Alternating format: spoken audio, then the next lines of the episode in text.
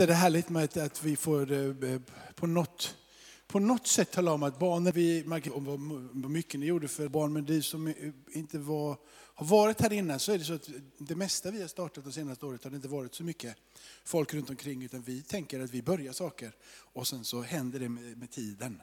Ehm, så vi tänker att nu talar vi om för både Herren och varandra och de som kommer hit att vi vill ta hand om barnen, vi vill omfamna barnen. Och så gör vi på det sättet.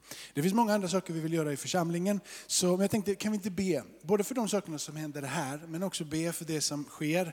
Jag hörde på radion innan det kom att de stänger ner liksom olika områden i Italien där det är liksom 15 miljoner människor som ska bli begränsade i sitt sätt att röra sig. Och det sveper och vi behöver be både om beskydd så att inte folk blir oroliga, galna och börsen kraschar och människor blir helt förvirrade.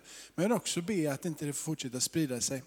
Jag tänker så här, tänk vad som om, om vattenkoppor hade kommit idag.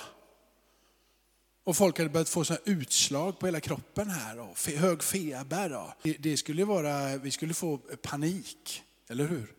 Eh, så tänker man så här, att när våra barn fick, eh, eh, fick vattenkoppor så var det för att grannar hade det och vi sa att låt oss gå med våra barn till dem så de får vattenkoppor.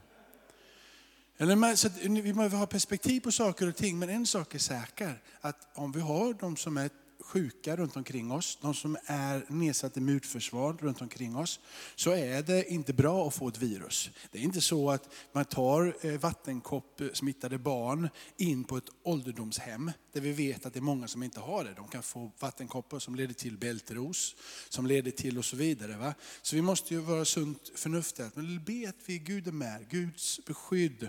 Att vi får ta hand om varandra och de som är sjuka och äldre och som lätt blir smittade. Och det kan bli att vi verkligen får beskydda dem ifrån att eh, de ska bli smittade.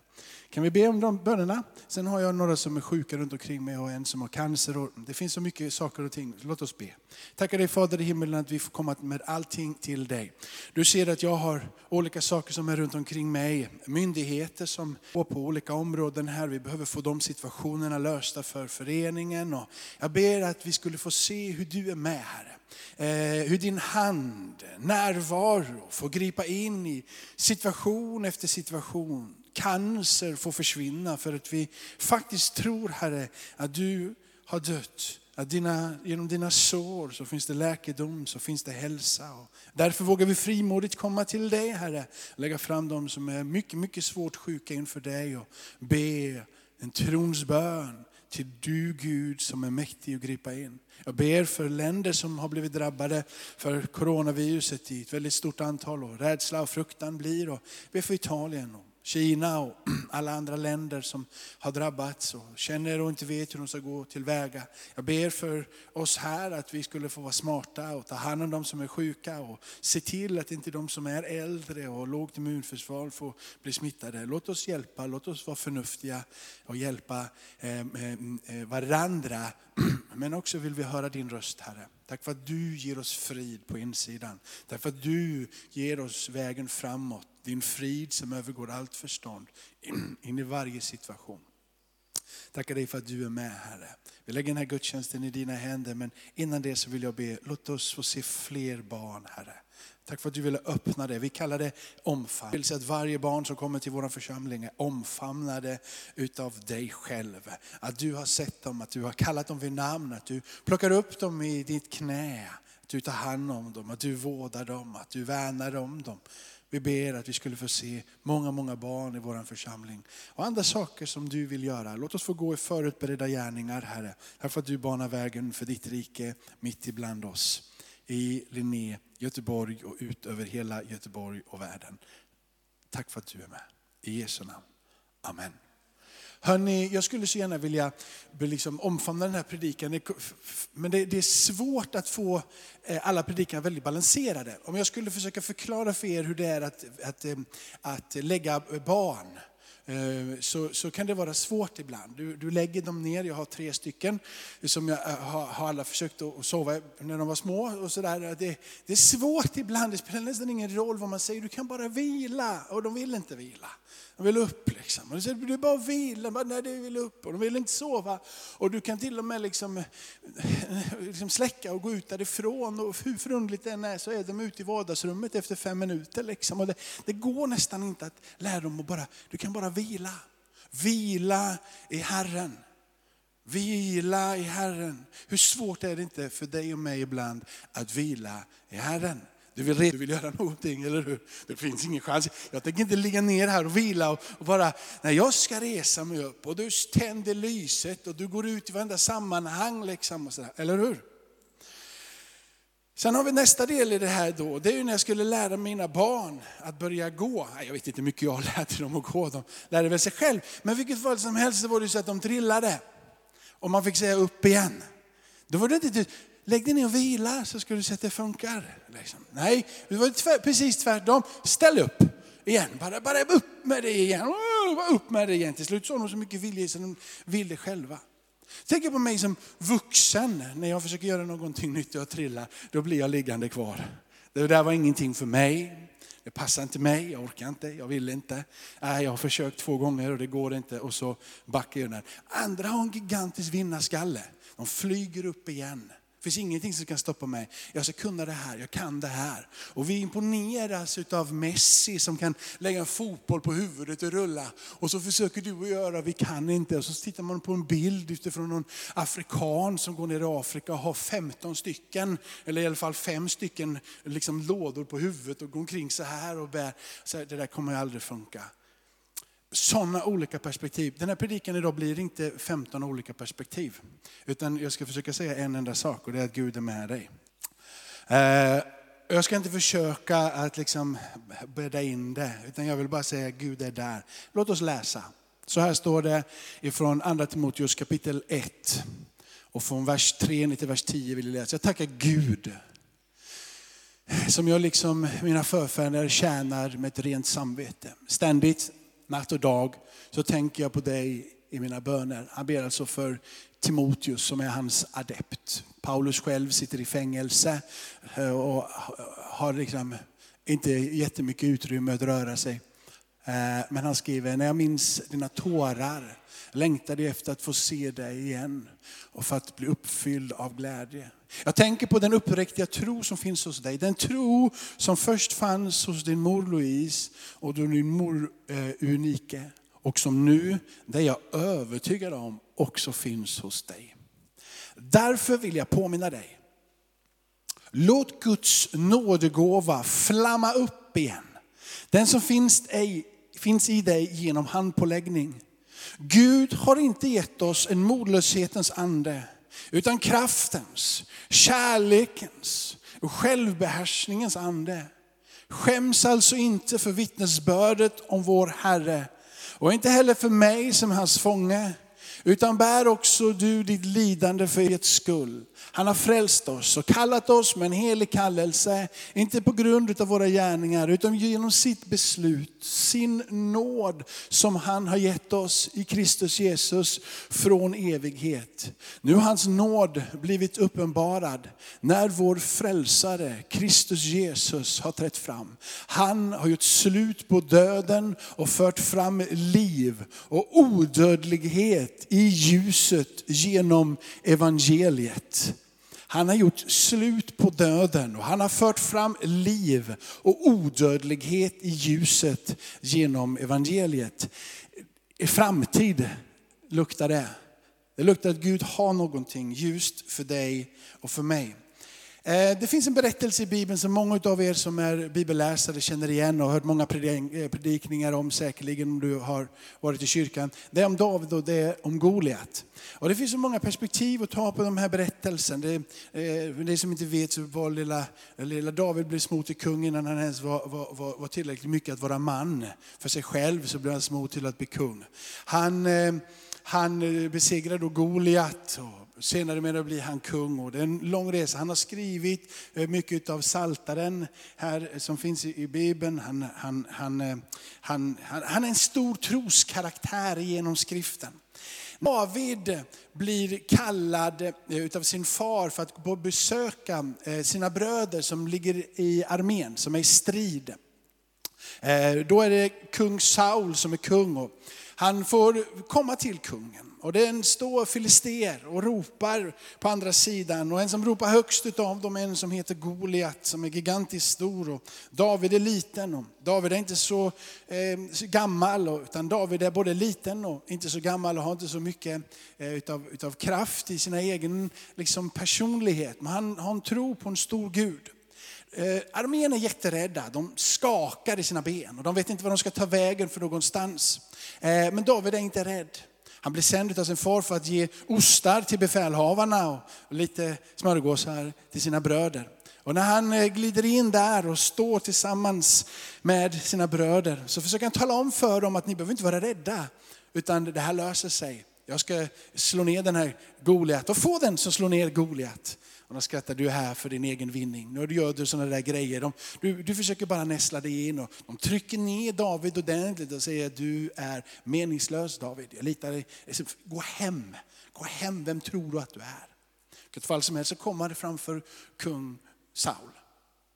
En mäktig man med en mäktig armé som sitter i sitt palats. Och knäpparna så kommer det fram mat till honom knäpper med en andra fingret så kommer någonting annat som vill han ha. Han äger sin omgivning. Han gör som han vill, han styr omständigheterna precis som han känner för. Men han darrar på insidan. När David stiger fram inför honom, den David som jag skulle vilja kalla den helt och hållet osannolika källan. Den källan som inte skulle motivera Saul. Den källan som på ytan ser bräcklig och liten ut och inte speciellt mycket muskler, troligtvis inget hår på bröstet och knappt kanske skägg. Han ställer sig framför Saul och hela Israels här och säger, tappa inte modet. Tappa inte modet. Tappa inte modet. Gud är med. Det är kraftfulla ord, för källan är obetydelselös. Det är en man med inget inflytande. Det är en man med ingen erfarenhet, en man som inte har någon kunskap överhuvudtaget. En man som på ytan inte bär någonting. Men han står där framför honom som har allt på utsidan. Utav, av myndigheter, utav kraft och styrka. Och så står den lilla, lilla David och säger, tappa inte modet. Tappa inte modet. Det är det här perspektivet som jag tror Paulus skriver till Timoteus. Nu är Paulus en välkänd och etablerad man utav de här som nu har tagit emot Jesus som frälsare. Men han skriver till Timoteus och talar om för honom, låt den där nådegåvan få flamma upp igen. Få tillbaka din övertygelse. I vers 12, vi läste från vers 3 ner till vers 10, i vers 12 så står det så här, att jag vet på vem jag tror, säger Paulus. Jag vet på vem jag tror. Jag är övertygad om vem jag tror på. Han är också mäktig nog att slutföra det som han vill göra. Han deklarerar att det finns en gåva i dig som är givet ifrån min Gud. Den är placerad i dig för ett syfte och en mening. Min Gud som har gett den gåvan, han är också mäktig att slutföra det som han har kallat och han har sagt att han vill göra. Min predikan idag handlar om att låta den där flamman få komma till liv. Att komma upp igen. Ehm, när jag var 28 så fick, dog den pastorn som var i den församlingen som jag tjänade då, han som var föreståndare och pastor. Och så gick frågan ut om jag ville bli föreståndare. Och det som hände i mitt huvud, det var ju att det här är omöjligt. Vem kommer vilja lyssna till mig? I den församlingen som jag tjänade så hade ganska många kända predikanter varit som är så vältaliga och estradörer som kunde ta en plattform bättre än något annat. Och jag var liten och rädd och jag visste inte om någon överhuvudtaget skulle lyssna, lyssna på mig. Och, eh, obetydelselös och helt ja, i jämförelse med de andra giganterna intetsägande. Vem skulle komma till församlingen nu? Vem skulle komma dit? Är det någon överhuvudtaget som vill? När man sen hörde ryktena och någon som till och med satt med i ledarskapet sa att det kommer aldrig bli någonting, ni väljer fel och väljer att lämna församlingen. Så blir du inte mindre rädd. Någonstans här så fick jag ändå söka Gud och säga Gud, finns det en nådegåva given mig? Finns det någonting på min insida som kan flamma till liv och ge kraft och ge styrka? Och jag valde tro att Gud hade kallat mig. Jag valde att resa mig upp igen och igen. När jag låg där och hade sega och tråkiga och tunga tankar som ville göra mig mindre och mindre. Så valde jag att luta mig på ordet som säger att tillsammans med mig så är allting möjligt, säger Gud. Att all kraft finns i honom. Att den kraften som verkar, den uppstod ifrån de döda, att den verkar och i mig. Att det finns möjlighet att bli klädd med kraft ifrån höjden för att ta sig igenom. Jag vågade låta de rösterna, Guds röst, Guds ord, tala starkare in i mitt liv än de tankarna som sa nej. De tonerna i mig som ville göra mig mindre. Jag lät tonerna ifrån Gud låta mig få bli större. Jag lät mig lita på vem Gud var och vågade ta det steget. Jag vågade resa mig upp igen och vågade gå som det där barnet som så naturligt reser sig upp. Och när man blir äldre så vill man gärna ligga kvar där. Inte jag försöker inte igen. Men jag vågade som ett barn resa mig upp igen. Kommer ni ihåg när det brandlarmet gick här en söndag? Här nere i entrén. Vi, vi, vi flög upp och sprang ner några stycken av oss. Då hade de burit in eld eh, hinkarna. Vi hade eh, tänt eld och ställt utanför. Det såg ut som att det var nedbrunnet ordentligt och det var aska och det rök ingenting ifrån dem för det stått det ganska länge. Och de blev inburna i entréns eh, gången där. Det som är det finurliga är att om man öppnar en dörr, har ni gjort det hemma någon gång, och så är det någon som öppnar ett fönster uppe på övervåningen, så blir det någonting som heter korsdrag. Det går vind rakt igenom. Och det som hände när de stod där nere, det var den att när man öppnar dörren där nere så blir det lite vindcirkulation. Syre kommer in. Och syret gjorde att det blev lite vind och blåst och sen så helt plötsligt, så det som var glöd och nästan slocknat under all aska började pyra igen.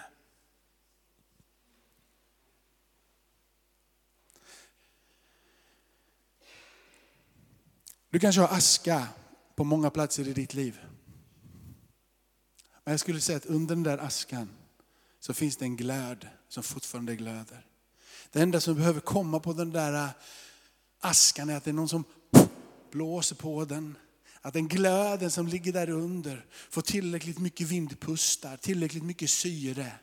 Att det är någon som lägger någonting av papper och en vedbit på det där så kan det som bara har varit glöd under askan snart igen få flamma upp och bli till liv och rörelse. Amen. Den här askan kanske ligger där så tungt över dig så att du inte ens tror att det finns någon glöd längre. Det spelar liksom ingen roll vad du gör.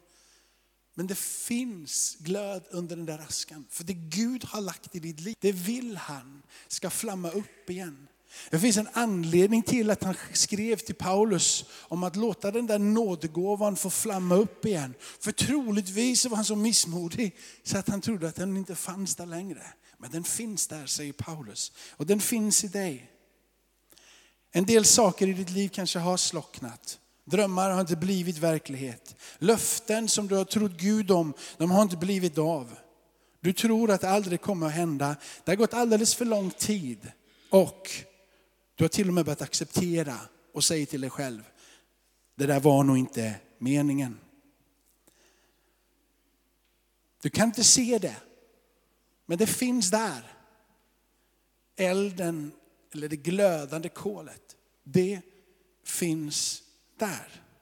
Det kanske är begravet under besvikelser, under en lång tid av att ingenting har hänt. Människor som gjort dig illa, misstag som du själv har gjort.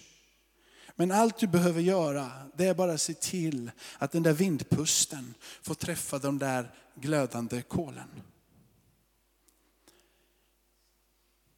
Paulus säger så här, jag tackar alltid min Gud när jag nämner er i mina böner. Jag tackar alltid min Gud. Han säger till och med ett ständigt dag så tänker jag på dig i mina böner. Paulus ber. Han tackar Gud för att han får be till Gud. Han tackar Gud för allting som händer. Han säger, jag ber för dig dag och natt. Det är inte kaffeböner. Vi vill gärna hitta på andra typer av böner. Utan det är böner riktande till Gud. Han tänker på honom i sina böner. För mig, så när, när du, man tänker så här, att har man gjort det där som jag gjorde en gång, att liksom, tro Gud om att han har kallat mig, tro Gud om att... Så det, då, då har man med sig det hela livet. Men grejen är sån här, att det där måste vårdas. Det är någonting som du måste ta tillbaka om och om igen. Precis som ett barn, upp igen. Inte ligga kvar utan upp igen.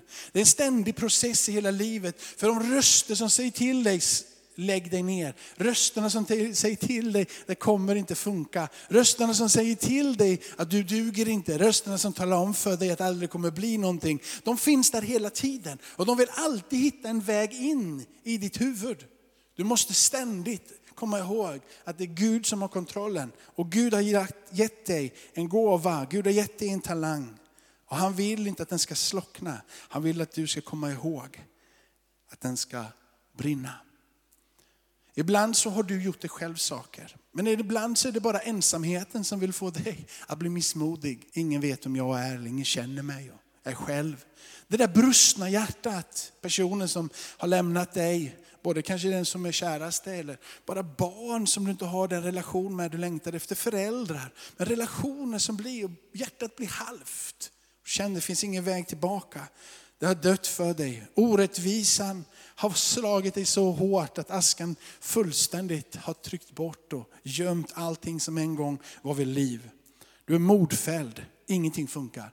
Du till och med kanske har kommit till platsen där du säger att ingenting bra kommer att hända mig. Ingenting som är värt någonting. Det finns ingenting kvar att leva för.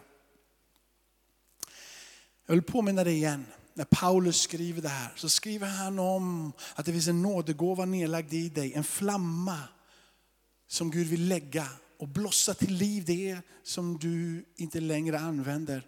Men han säger någonting mer i vers 7. Han säger att den ande som Gud har gett dig och mig, det är inte en modlöshetens ande. Han säger det är en kraftens och en kärlekens och en självbehärskningens ande. Om Gud är den han säger att han är, och han är den han säger att han är. Om Gud har uppstått ifrån de döda, och han har verkligen uppstått från de döda. Om Gud är den allhärskande, mäktige guden, evige fadern, fridförsten, han som regerar ifrån evighet till evighet. Han som är allhärskare, han som har all makt, skapare av himmel och jord. Han vill meddela dig att den ande som han har gett dig är kraftens och det är kärlekens ande. Och han vill att den ska blossa till liv. Upp igen. Och det är lättare att säga, hur hurtfriska måste vi vara då? Men ett liv utan passion, ett liv utan entusiasm, det blir ett liv utan någonting i slutändan. Observera att jag sa från början att jag kommer inte försöka balansera den här predikan. Nu balanserar det genom att bara säga så. Men jag vill bara, jag vill bara att Gud vill någonting. Och du finns här idag för att Gud vill någonting med dig. Gud vill att du ska höra den här predikan. Han vill att du ska få liv i det som har slocknat. Att bara gå upp och gå till jobbet, komma hem igen och göra samma sak om och om igen. Och inte ha någon passion i livet, inte ha någon entusiasm över någonting. Kan få vilken eld som helst att slockna ganska snabbt. Någonstans så måste du vilja tillföra det du kan. Våga kanske igen be. Våga tro Gud om det där miraklet som är så jobbigt att tro för. Helandet som du känner bara att det kommer aldrig ske. Kanske skulle du byta bort de där orden. Det kommer inte ske till att min Gud är med mig. Vad som än möter så är min Gud större än det jag möter. Sjukdomen är där och det är jobbigt och det är besvärligt, men min Gud är större än det. Jag vet att han är med mig. Gud, om du vill så kan du gripa in. Gud, jag vet att du är på min sida. Jag vågar tro Gud att du dog, att du uppstod, att genom dina sår så är vi helade. Jag vågar sätta mig på den platsen jag sätter min fulla tillit till dig Gud. Tack för att du är med. Du gör det som Paulus gör. Han säger, jag tackar min Gud. Jag tackar min Gud. Jag tackar alltid min Gud. Och sen så säger han, jag ber för Paulus. Jag ser dina tårar. Jag har sett dem. Jag fortsätter att be för dig. Jeremia 29, vi sjöng den versen innan här i en av texterna. Jag vet vilka tankar jag har för dig. Tankar som är goda, tankar av framtid och av hopp. Raden under, versen under, så är det så här. Då står det så här, ni ska kalla på mig och komma och be till mig och jag ska höra er. Ni ska söka mig och ni ska finna mig om ni söker mig utav hela ert hjärta. Ni kommer, står det helt enkelt, att finna mig om ni söker mig och om hela ert hjärta är där. Gud talar om människor som har en passion för Gud. Inte att allting är ordnat och att allting är fixat och att allting är klart. Att allting är enkelt. Det är inte det han, han säger. Ett hjärta som är riktat emot mig. En entusiasm över min person, en entusiasm över min karaktär. En entusiasm över vem jag är. Inte att det ska vara enkelt, inte att det ska vara klart, inte att allting ska bara, bara liksom glida igenom smärtfritt. Men passion för vem Gud är. Och han lovar att han ska stå där, att han ska vara där, att han ska komma dig nära. Att våga kanske, att till och med säga Gud jag vet att du har en framtid för mig. Jag vet att du har någonting gott som ligger där framför. Trots att allting står och grinar dig rakt upp i ansiktet så vågar du, som David, i till exempel i psalm 118, då står det att han är omringad av fiender i några verser upp. I vers 24 så står det, Herren, detta är den dag som du har gjort. Jag tackar dig och jag lovar dig. Den här dagen har du gjort Herre. Du har gjort den trots att det är jobbigt, trots att det är motgång. Trots att, men du har gjort den. Jag lovar och jag tackar dig. Kanske är det det som gör David så till en osannolika källa utav total uppmuntran för kung Saul. Han är så osannolik den här källan utav inspiration. Tappa inte modet. Man kanske, så han säger, att inte bara se på omständigheterna utan titta på den guden som är över allting och säga, min Gud, han förmår. Amen. Gud vill att du och jag ska bli den här David, den osannolika källan. Han som inte på ytan ser ut att ha någonting, men som är fylld av passion, fylld av liv, fylld av tro. Inte tillbakadragen och passiva och liksom försöker att bara låta allting liksom bli som det blir och ta ett steg bakåt. Var inte de som säger att men det har ju aldrig fungerat så det kommer aldrig fungera. Jag är så besviken så den där askan som har kommit genom besvikelse, den täcker det så mycket. Jag orkar inte blåsa bort det och jag orkar inte ta tag i det. Kanske finns det så många misslyckanden så ditt hjärta det är halvt och du orkar inte drömma om att det skulle få bli helt igen. När du står där och sjunger lovsången och ber dina böner så är de halvhjärtade. De är inte riktade till Gud egentligen utan det är någon form av själavård för dig själv. Någon, någon själisk idé över att om jag säger de här orden så blir det bättre. De är inte riktade till han som hela universum i sin hand. Det blir ju själavårdsböner som är bra för att vi försöker hjälpa varandra kanske genom hur vi ber. Men de är inte riktade till han, makt över himmel och över jord.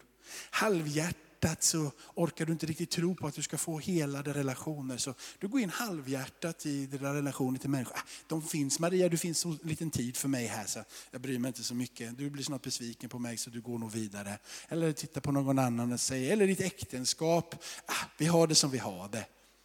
Vi fortsätter leva med varandra, det blir, det blir nog aldrig bättre. Liksom. Äh, men vi är ju ändå, vi, vi håller ihop liksom. Gud vill att du ska ha ett passionerat äktenskap, Gud vill att du ska ha det bra i din relation, inte bara gå ner och halvhjärtat gå in i saker som ligger runt omkring dig. Du tänker, ah, jag struntar i det här jobbet, jag gör lite som jag vill på jobbet, det kommer ett nytt jobb längre fram och trivs, ah, det blir som det jag går halvhjärtat till jobbet, jag bryr mig inte riktigt om vad jag gör på jobbet. Varför inte bestämma dig för istället att Gud är med? Att Gud vill ge dig den kraften du behöver, att han vill ge dig passionen, drömmarna, tankarna. Att det som han har lagt i dig utav kreativitet ska få blomma till liv och bli någonting igen. Tänk ifall det bara kunde få komma en liten, liten vindpust och blåsa bort den där askan. Låta den där glöden få flamma till liv igen och ge dig tro och hopp och längtan över det som ska komma. Det vore underbart om det här kom eh, automatiskt, det vill säga att det bara hände. Men det kommer inte komma automatiskt. Det kommer komma morgnar då du, att du ingenting annat gjorde än fick sova vidare. En del morgnar så kommer du vara helt tom i huvudet. Du kommer ha nada energi. Det kommer komma dagar då du önskar att det inte fanns något liv och att det inte fanns någon framtid överhuvudtaget. När du första du säger, ingenting bra kommer hända mig ändå, så är det lika bra jag stannar. Men låt din blick bli riktad. Säg själv, låt mig få bli den osannolika källan. Jag har gått igenom det här i livet. Ingen borde lyssna på mig. Jag har gått igenom det här i livet. Jag kommer aldrig att orka själv. Men tänk ifall du fick vända dig och bli den här David som får tala rakt in i kungavärdigheten. Tappa inte modet, våran Gud är med. Tänk ifall det som har hänt dig fick blåsa bort du fick bli hel igen med passion och med liv och med tro. Och du vågade igen drömma, drömma som du inte innan vågade drömma. Du till och med någonstans känner att de kanske kommer att bli uppfyllda igen. Du börjar våga tro och du börjar bli passionerad över människor. Du vågar, du har slutat att klaga. Du vänder dig inte till Gud och säger livet är orättvist. Du vänder dig inte till Gud och säger det kommer aldrig bli någonting. Du vänder dig inte till Gud och säger alla människor behandlar mig dåligt. Du vänder dig inte till Gud och säger att ingenting kommer bli, utan du vänder dig till Gud och du säger Gud, du är en god Gud. Och jag har dig att tacka för allting. Jag vänder mig till dig och låter allting ske enligt din vilja. David, han lät inte besvikelsen. Hans familj ville trycka ner honom. Kung Saul försökte döda honom. Och det är många andra saker som händer som grinar David rakt upp i ansiktet. Men han vågar tro och han vågar sträcka sig emot den guden som är med honom. Tänk ifall igen du skulle få glöd för tro att Gud vill hela och Gud vill bota. Inte sådär liksom bara att nu ska vi tro. Utan att det på insidan får bli ett med dig. Jag tror alla kommer kanske inte bli helade, men jag tror igen. Jag tror att det är möjligt för människor att bli botade genom att jag lägger mina händer på.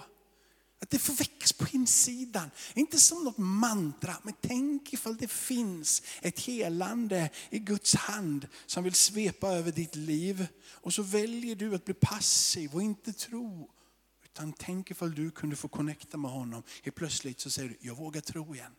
Jag är inte rädd för att bli besviken. Jag är inte rädd för att gå bakdörren ut. Jag vågar stanna kvar i centrum av min tro. Jag vågar stå kvar i de löftena som Jesus pratar om. Jag tar inte skyddsmasken och backar, utan jag vågar stå kvar och säga Gud, det är möjligt. Låt mig igen få tro. Vi hade ett företag i vår familj som ett tag gick väldigt, väldigt bra. Gick uppåt. Och kändes otroligt mäktigt och vi var oöver, liksom, ingen kan slå oss. Vi kunde bestiga vilket berg som helst. Och det var fantastiskt och allting fungerar. Och bra med ekonomi och med pengar och härligt. Och så gick det inte på samma sätt längre. Så eh, blev det mindre och mindre och idag så jobbar inte Helena överhuvudtaget med det. Utan hon jobbar på en skola idag. Men inte ska vi sluta drömma. Tror Gud om att igen så kan vinden blåsa, igen så kan en ny dörr öppnas, igen så kan en möjlighet komma. Ska jag säga, ja, men jag får inte tro så mycket på att Gud kan göra någonting för då kan jag bli besviken igen. Ska jag retirera? Ska jag lägga mig ner? Eller ska jag våga vara som det där barnet som reser mig upp igen och säger Gud, du har gjort det en gång, då kan du göra det igen. Gud, du har varit med där borta, då kan du vara med igen. När jag blir missmodig idag för att du inte skrattar när jag predikar eller vad det nu än är som jag blir missmodig över. Så kan jag komma ihåg att den gången som jag stod för många år sedan nu trots allt där och var missmodig, så kan jag komma ihåg att jag fick styrka av Gud. Jag vågade resa mig upp igen och jag vågar resa mig upp idag igen. Vad hittar du? Tron för att det är möjligt. Jag orkar inte med min skola. Kanske finns det en väg för dig precis där. Att du orkar. Kraft att få. Du tror att det är lätt att stå och prata om att resa sig upp från misslyckanden. Liksom. Men det har inte varit en rolig resa när du har ett företag och det försvinner. Men vi kan inte sluta drömma, kan inte sluta hoppas, kan inte sluta prata om att för Helena att nu ska det hända igen, nu ska det komma. Är ni med? Då är det som att jag lägger mig ner. Min Gud måste vara större än så. Vi reser oss upp. Vi tror att Gud är den guden som han är. Och att han har ett utrymme och en plats för oss. Det var någon som viskade amen i alla fall.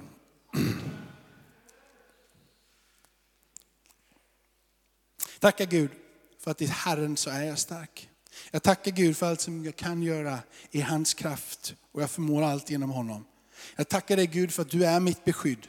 Gud, du är min borg, du är mitt värn. Att få börja känna igen hur den flamma som inte varit brinnande får brinna igen. En fullt ut tillfredsställelse. Det kommer glöd av mod, glöd av självförtroende. Det där missbruket som har tagit mig i många år, helt plötsligt så kan du få kraften att bryta med det där missbruket. Komma tillbaka till platsen. Jag hade ju ett arbete en gång där allting fungerade. Helt plötsligt igen så vågar jag tro Gud om att det finns ett arbete längre fram. Den brustna relationen, de som gick ut från mitt liv helt plötsligt så vågar du tro igen att det går, att det är möjligt, att det finns en väg framåt. Inte kalla det att dra oss tillbaka. Vi kallar det att gå fram i den tro som Gud har givit oss. Kanske var det länge sedan du profeterade. Men genom handpåläggning så har de äldste bett för dig och du tagit emot gåvor och Gud vill att det ska brinna igen i ditt liv. Gud kan ta dig och mig längre än vad vi kan tänka, än vad vi kan drömma. Gud har lagt någonting i dig. Låt den syra som finns, syre som kommer där, låt det få komma över dig och in i dig. Drömmarna, gåvorna, helande, friheten. Låt det få blossa till liv. Du vet den ande som Gud har gett dig, det är kraftens och det är kärlekens. Amen. Låt oss stå upp tillsammans och be. Tackar dig Fader i himmelen för tro för att komma över våra liv Herre. Därför att det är möjligt Herre att stå där i ett misslyckande och få tillbaka längtan, få tillbaka livet, få tillbaka hoppet Herre. Tack för att idag så får vi skaka av oss askan. Skaka av oss aska utav besvikelse. Ge mig kraften till det. Skaka av oss askan av missmod. Hjälp oss med det Herre. Och igen säga jag tror. Jag vågar igen drömma drömmar. Jag vågar igen längta. Jag kommer med mitt hela hjärta. Jag vill helhjärtat, passionerat söka dig. Tack för att du har bön Herre. Tack för att du hör bön. Om du är här idag och aldrig tagit emot Jesus som Herre så skulle jag vilja säga, våga chansa. Han är den guden som vill frälsa dig. Han är den guden som har tagit, krossat döden har gjort. Kom till han som vill ge dig liv och dödlighet. Kom till han som har en framtid för dig. Säg ditt ja till Jesus. Men jag skulle vilja kalla på dig idag till förbön. Att hitta tillbaka till den där glödande, ivriga passionen. Kanske igen få bli 17 i din tro. Kanske är 55 idag liksom. Eller, när du var 17 och du bara brakade till liv. Eller du var frälst när du 25-årsåldern och du bara kände att jag tror Gud om allt. Allt är möjligt med Gud. Allting förmår jag genom hans, att få komma tillbaka till den platsen, i en drömma, större drömmar. Drömma mer om vem Gud är. Tänk att få känna den där pulsen igen, där Jesus får vara allt.